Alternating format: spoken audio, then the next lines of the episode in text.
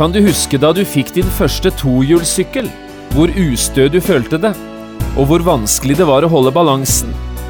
Det var gjerne mor eller far som hjalp deg, eller en av dine eldre søsken. De gikk bak sykkelen og holdt i bagasjebrettet.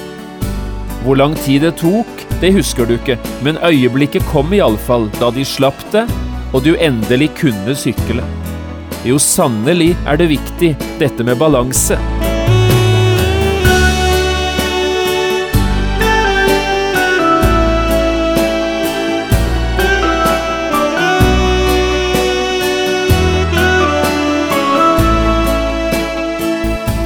Hjertelig velkommen til et nytt program i serien Vindu mot livet.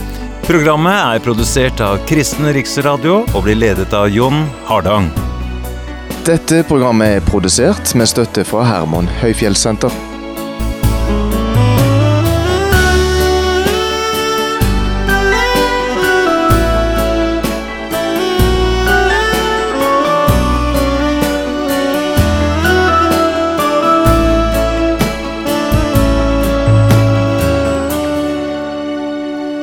Vi fortsetter også i dag å lese fra Filipperbrevet i Bibelen, i denne programserien som er kalt Gled deg. Vi skal i dag lese et av de litt mindre kjente avsnittene fra dette brevet, nemlig den midtre delen av det andre kapittelet. Vi leser fra Filipperbrevet kapittel 2, versene 12 til 18. Jeg har kalt dagens program Hold balansen. Paulus skriver, Mine elskede, like som dere alltid har vært lydige, så arbeid på deres frelse med frykt og beven, ikke bare som da jeg var hos dere, men enda mer nå, når jeg er borte fra dere. For Gud er den som virker i dere, både å ville og å virke til Hans gode behag. Gjør alt uten knurr og tvil, så dere kan være uklanderlige og rene, Guds ulastelige barn midt i en vrang og forvent slekt. Dere skinner blant dem som lys i verden, idet dere holder fram livets ord. Til ros for meg på Kristi dag at jeg ikke løp forgjeves eller arbeidet forgjeves. Men om jeg òg blir ofret, når jeg gjør altertjeneste og bærer deres tro fram som offer, så er jeg glad og gleder meg sammen med dere alle. Gjør så dere det samme, vær glade og gled dere sammen med meg.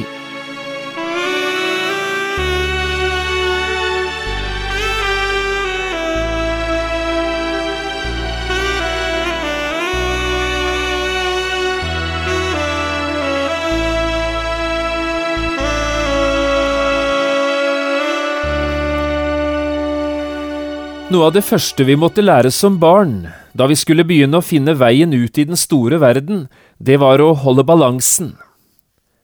Du husker gjerne da du fikk din første tohjulssykkel, hvor ustø du følte det, og hvor vanskelig det var å holde balansen. Det var gjerne din mor eller far eller kanskje en av dine eldre søsken som hjalp deg. De gikk bak sykkelen, holdt i bagasjebrettet og støttet deg.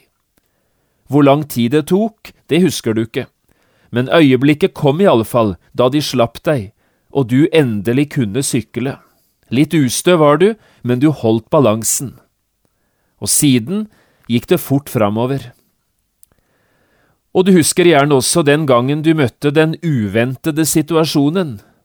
Du kom syklende, og der nede i bakken lå det plutselig en stor stein. Du husker gjerne hvor redd du ble. Du tenkte, den steinen må jeg i alle fall ikke kjøre på og så festet du blikket på den store steinen for å unngå å treffe den, og så kjørte du rett på. Katastrofen var ikke til å unngå, selvsagt falt du, og du slo deg gjerne en del også. Siden har også det blitt situasjoner som du mestrer. Du faller ikke av sykkelen hver gang du ser en stein i veien. Du har lært deg å holde balansen.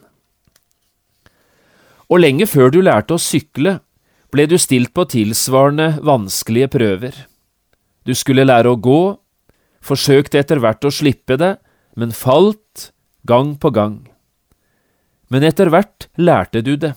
Ett skritt ble til flere skritt, og snart stabbet du rundt omkring i stua. Du lærte å holde balansen, du lærte å gå. Det samme gjentok seg da du skulle lære å drikke av egen kopp, eller spise selv med skje eller gaffel. Også da var det problemer med balansen. Det ble mye søl og griseri, men etter hvert gikk også det bedre. I dag spiser du selvsagt uten smekke, og du drikker ikke lenger av tuttekopp. Du har lært dette med balansen. Også i det voksne livet snakker vi om å leve balansert, og om hvor viktig det er å finne den rette balansen mellom de forskjellige ting i livet.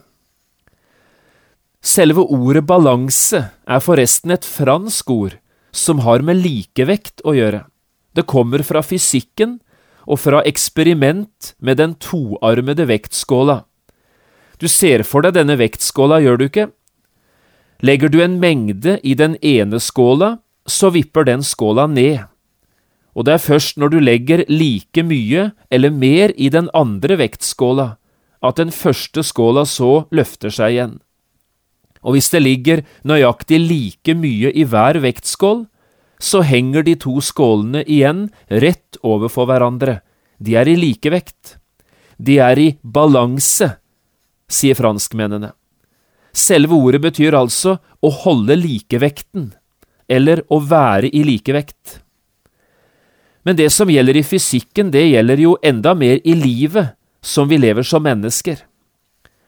Tenk bare hvor viktig det er for kroppen å finne balanse mellom søvn og våken tilstand, mellom arbeid og hvile, mellom stillhet og aktivitet, eller mellom det å være ute og det å være inne.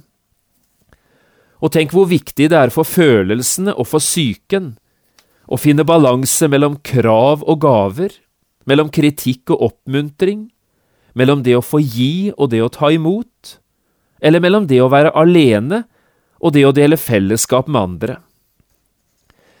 Når jeg snakker så mye som jeg gjør i dag om balanse, så er dette et forsøk på å si like viktig som i det naturlige livet er det at vi også i det åndelige livet finner balanse mellom forskjellige ting. Det er helt nødvendig å leve balansert om vi skal kunne vokse som kristne og utvikle oss på den riktige måten. Og å leve balansert er ikke minst viktig når krisene kommer, når motgang møter oss og troen virkelig blir satt på prøve. Erfaringen er nok ofte at når det gikk galt for en del mennesker i krisetider, så var det fordi de ikke hadde lært å leve balansert. Det er lett å miste balansen i kristenlivet, komme ut av åndelig likevekt. Derfor er dette noe som er viktig å lære. Å finne balanse mellom krav og gave, mellom å få gi og ta imot, mellom åndelig aktivitet og åndelig hvile, så viktig det er å finne balansen mellom det menneskelige og det åndelige livet, mellom synd og nåde, mellom kritikk og oppmuntring, mellom lønnkammer og fellesskap, bare for å nevne noe. Ta nå alt det som her er sagt som en viktig og velment påminnelse. Det er så viktig å finne balanse i livet, å leve stabilt og balansert. Det bibelavsnittet vi har lest sammen i dag fra Filipperbrevet, er verken det best kjente eller det mest leste i dette brevet. Jeg tror grunnene til det kan være flere. Vi har liksom ikke noen sånne supervers i dette bibelavsnittet, vers som vi setter røde streker under. I stedet er det en del vanskelige uttrykk som blir brukt, og det er kanskje ikke helt lett heller å få tak i hva Paulus egentlig her vil ha sagt oss. Jeg vet ikke om det stemmer. La meg prøve å forklare dette bibelavsnittet i dag på min måte. For meg står det slik at Paulus her, på tre forskjellige områder i kristenlivet, peker på hvor viktig det er å finne balanse mellom det ene og det andre som du nå leser om. Du skal passe deg så du ikke legger vekt på det ene framfor det andre. Da mister du lett likevekten. Prøv å holde balansen, sier Paulus her. Og du skal med en gang få høre hvilke tre områder dette dreier seg om. Først, prøv å finne balansen mellom Guds gjerning og ditt eget arbeid. Det leser vi om i vers 12 og 13. Prøv så å finne balansen mellom det å gjøre og det å være. Det leser vi om i vers 14 til 16. Og så det tredje, prøv å finne balansen mellom gleden og alvoret. Det står det litt om i vers 17 og 18, de to siste versene vi leste. Kan vi ikke prøve å ta fram noen viktige ting fra disse tre områdene? Først litt om Guds gjerning og forholdet mellom Guds gjerning og vårt arbeid. Vi leser om igjen de første to versene i dette bibelavsnittet. Mine elskede, like som dere alltid har vært lydige, så arbeid på deres frelse med frykt og beven.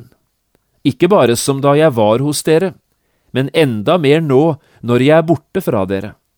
For Gud er den som virker i dere, både å ville og å virke til Hans gode behag. Jeg vet ikke hvordan du opplever dette bibelavsnittet. Nå har jeg i alle fall lyst til å fortelle hvordan jeg ofte har opplevd det. Jeg synes det ene verset her nesten slår det andre i hjel. Jeg synes det er vanskelig å få det første til å stemme med det andre. Du forstår kanskje hva jeg mener. For først sier Paulus til oss, arbeid på deres frelse. Og så i neste omgang sier han, for Gud er den som virker. Jeg spør, er det jeg som skal arbeide, eller er det Gud som skal gjøre det? Svaret er dette, begge deler. Vi må finne balansen. Du skal arbeide, og Gud skal arbeide. Noen få tanker om det. For det første, her er det ikke snakk om å bli frelst. Det er en viktig sak å være oppmerksom på. Disse ordene er skrevet til kristne mennesker, altså slike som allerede var frelst. Paulus kaller filipperne i dette brevet for de hellige, vers 1 i kapittel 1. Han sier at Gud har begynt en god gjerning i dem, kapittel 1, 6. Han kaller dem for brødre, i kapittel 1 og vers 12. Og slike ting sier du bare til kristne mennesker. Så det det her handler om, er altså ikke veiledning til hvordan et menneske blir frelst. Og så videre. Dette som her er skrevet, er skrevet til hjelp for at de som allerede er frelst, skal få hjelp til å leve et liv i lydighet mot Guds vilje, et liv til Guds behag. Dette er målet for det Paulus sier. Og for å hjelpe filipperne til å nå dette målet, skriver han altså de ordene han gjør. Ingen klarer å leve det nye livet på egen hånd. Det er Gud som må gjøre verket. På en annen side, ingen er heller uten et personlig ansvar. Det er ingen som kan gå himmelveien for deg, du må gå den selv. Kanskje kunne et par eksempler forklare oss denne saken. Se for deg en musiker. Han sitter på stolen sin med notene foran seg. Det er ikke han som har komponert musikkstykket. Det har en komponist gjort, og verket er skrevet ferdig. Men musikkstykket har likevel ikke nådd sitt mål før musikeren framfører verket. Først da får menneskene i konsertsalen gleden av å høre det. Eller en pasient. Han sitter på et legekontor og mottar resepten på sine nye medisiner. Legen kan ikke gjøre han frisk, men det er likevel legens ansvar å gi eh, den sjuke medisinene som han nå trenger. Derfor får han resept. Men så er det selvsagt pasientens eget ansvar å få hentet medisinene på apoteket, og så gjøre bruk av dem i samsvar med legens anvisning. Ingen kan spise tablettene for andre. Vi må spise våre tabletter selv. Jeg vet ikke om dette illustrerer det, men det er dette det handler om her. Gud har gitt deg og meg all den visdom og kraft og hjelp vi trenger for å leve et rikt og godt liv som kristen. Det er altså Gud som må virke. Men så er det du og jeg som har ansvaret for å innrette livet vårt etter det Gud så sier til oss i sitt ord. Ingen kan gjøre det i stedet for oss, vi må gjøre det selv. Vi må ikke miste balansen. Det andre Paulus skriver om her, er forholdet mellom å gjøre og å være. Også det er en viktig sak. La oss lese om igjen vers 14–16. Gjør alt uten knurr og tvil, så dere kan være uklanderlige og rene, Guds ulastelige barn, midt i en vrang og forvent slekt. Dere skinner blant dem som lys i verden, idet dere holder fram livets ord. Til ros for meg på Kristi dag, at jeg ikke har løpt forgjeves eller arbeidet forgjeves. Her leste vi altså både om å gjøre og å være. Hva syns du er det viktigste? Er det det vi er, eller er det det vi gjør? Ja, dette er ikke et helt enkelt spørsmål å svare på, for det er viktig, begge deler. Paulus legger stor vekt, både her og andre steder i brevene sine, på det vi skal gjøre. Gjør alt uten knurr og tvil, sier han her, og i slutten av det vi leste, snakker han om å holde fram livets ord. Og som om ikke det var nok, sier han til slutt noe om sin egen bekymring, tenk om jeg skulle ha arbeidet forgjeves, sier han. Alt dette handler om å gjøre. Samtidig bruker han sterke ord om alt det en kristen både kan og skal få være. Hva hjelper det om vi gjør en masse ting, hvis det ikke er samsvar mellom det vi gjør og det vi er? Og Paulus' ønske for filipperne er at de kan være uklanderlige, rene, ulastelige, ja, være lys i verden. Heller ikke her må vi miste balansen. Det er så viktig at vi gjør det som er rett, og at vi er det vi skal være. Det finnes noen som bare er opptatt med alt det de skal gjøre og utrette, og så er de noe helt annet enn det de gjør. Andre er motsatt, de er så opptatt med å være slik og være slik at de kommer aldri i gang med å gjøre noe i det hele tatt. De kommer aldri inn i noen tjeneste for andre. Og folk får sjelden hjelp av de som bare er gode, de får alltid hjelp av de som gjør det gode. Det er altså grøfter på begge sider. Så viktig det er å holde balansen. Det tredje området Paulus så tar fram, har med forholdet mellom glede og alvor å gjøre. Vi leser i vers 17 og 18. Etter å ha satt ord på sin bekymring, at jeg ikke har løpt forgjeves eller arbeidet forgjeves, for å bruke Paulus' ord, så skriver Paulus videre. Men om jeg òg blir ofret, når jeg gjør altertjeneste og bærer deres tro fram som offer, så er jeg glad og gleder meg sammen med dere alle. Gjør så dere det samme, vær glade og gled dere sammen med meg. Paulus er altså ikke uten bekymring i det han her skriver, og det er et stort alvor i det han skriver når han skriver som han gjør. Tenk, sier han, om jeg skulle ha løpt forgjeves eller arbeidet forgjeves. Det kan synes som dette er noe av det Paulus er aller mest redd for, av alt han frykter, nemlig at livet og tjenesten skulle bli uten frukt for himmelen. Tenk om han skulle ha levd forgjeves. Det er en forferdelig tanke for han å tenke. Han er preget av alvoret. Ellers kjenner han også på alvoret som ligger i den situasjonen at han nå sitter som fange i det keiserlige Roma.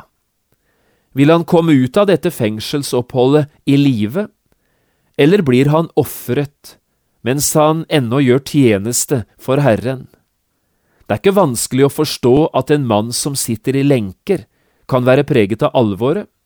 Vi forstår det. Men hva gjør så disse tankene med Paulus? Ja, det er det som er så fint å legge merke til her i avslutningen av avsnittet vårt. Han skriver ikke ett ord om depresjon og mismot, ingenting om angst eller frykt. tvert imot, han har bevart gleden i Herren. Jeg er glad, sier han, og jeg vil fortsatt glede meg sammen med dere. Og så har jeg et stort ønske, at også dere ville glede dere, og at dere kunne dele denne gleden med meg. For også jeg trenger oppmuntringen, det er å se at også dere har det godt. Paulus går ikke med et gravalvor uten antydninger til glede. Han lever heller ikke i en overfladisk glede som ingen kontakt har med livsalvoret. Han opplever begge deler, både gleden og alvoret.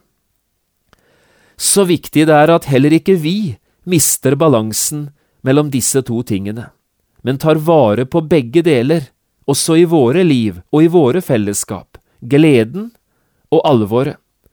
Det må ikke bli så gravalvorlig imellom oss at det ikke er lov å være glad, og vi trenger ikke en lettsindig glede som aldri får kontakt med livsalvoret og med smerten. Helt til slutt, vi bruker også ordet balanse på et helt annet område enn det vi har snakket om i dag, nemlig på det økonomiske området. Når vi snakker om å ha balanse i regnskapet, så mener vi følgende, det må være overensstemmelse mellom inntekter og utgifter i regnskapet vårt. Hør nå, det er ett område der vi aldri klarer å holde balansen. Det er når det gjelder vårt regnskap i forhold til Gud. Den som prøver å balansere alle sine synder med tilsvarende mange gode gjerninger eller med sterke løfter om å bli bedre, han vil alltid komme til kort. Ingen kommer ut av det med Gud på den måten.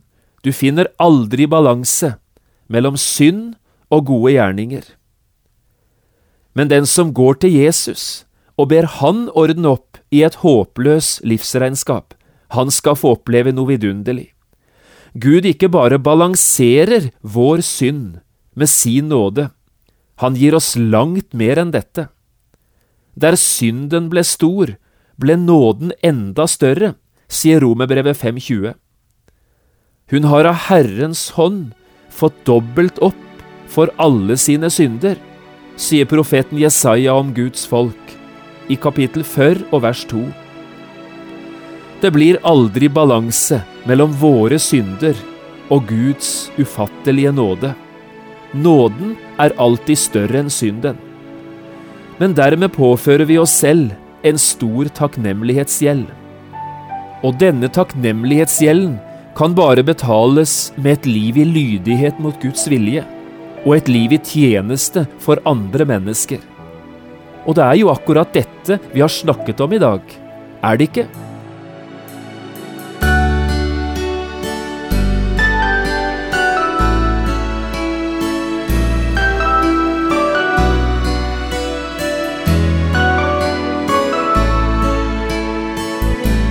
Du har lyttet til et program i serien Vindu mot livet med John Hardang. Programmene i denne serien kan også kjøpes på CD fra Kristen Riksradio, eller høres på internett på p7.no. Har du spørsmål eller kommentarer til det du nå har hørt, kan du ta kontakt med oss. Adressen er Kristen Riksradio, Skiene 2, 5353 Straume, eller send en e-post vml alfakrøll p7.no. Takk for i dag, og på gjenhør.